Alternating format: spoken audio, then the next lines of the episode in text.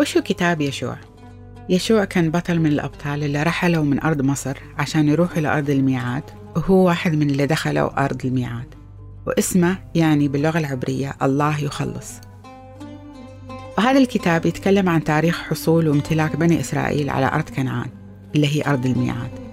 الأرض اللي الله وعدهم بها إنهم بيورثوها. ومن بين الملايين من اليهود اللي طلعوا من مصر عشان يروحوا أرض الميعاد كان بس يسوع وكالب اللي دخلوا أرض الميعاد. وبعد ما رحل يشوع بن نون من مصر وسمع كلام الله وراح لأرض كنعان اللي هي حاليا فلسطين كتب هذا الكتاب حوالي 1500 سنة قبل الميلاد.